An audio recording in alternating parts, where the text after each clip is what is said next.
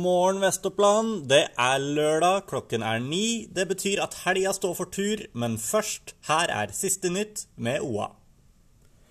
En norsk-iransk mann fra Vestoppland ble pågrepet i Iran bare tre timer etter en lokal bokhandler ble skutt og drept i sin egen butikk i byen Mahabad. Iransk politi mener vestopplendingen står bak drapet.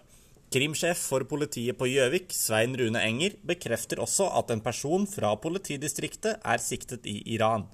Politiet har ingen ytterligere kommentarer til saken. Politiet i Mahabad skal ifølge VG ha uttalt at drapet ikke var politisk motivert, men at en verbal kontrovers og tidligere uenigheter skal være bakgrunnen.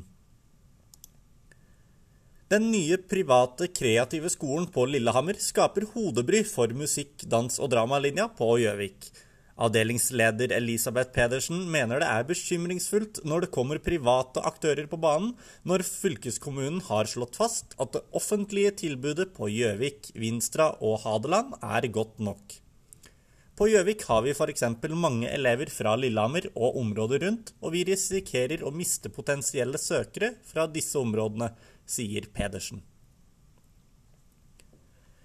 Det blir et nytt møtested på Raufoss, mellom Minneparken, Raufoss gård og rådhuset, der det i dag er parkeringsplass. I fremtiden skal plassen etter planen samle generasjonene. Folk savner møteplasser på Raufoss, og ikke minst en lekeplass for barna, kom det tydelig fram da OA spurte folket om Raufoss sentrum tidligere i år.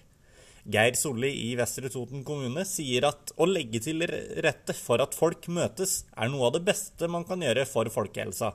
Denne plassen skal også være innbydende for foreldre og besteforeldre, og selvsagt ungdom.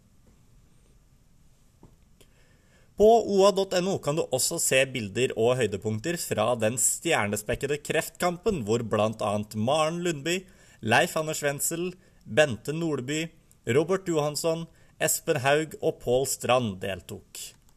Det blir også Superlørdag på oa.no med livesendinger fra barnekretsturnstevnet på Harestua, motbakkeløpet fra fjord til helvete og fotballkamp når Gjøvik-Lyn møter Brumunddal senere i ettermiddag. Dette var siste nytt med OA. Han fortsatt god helg.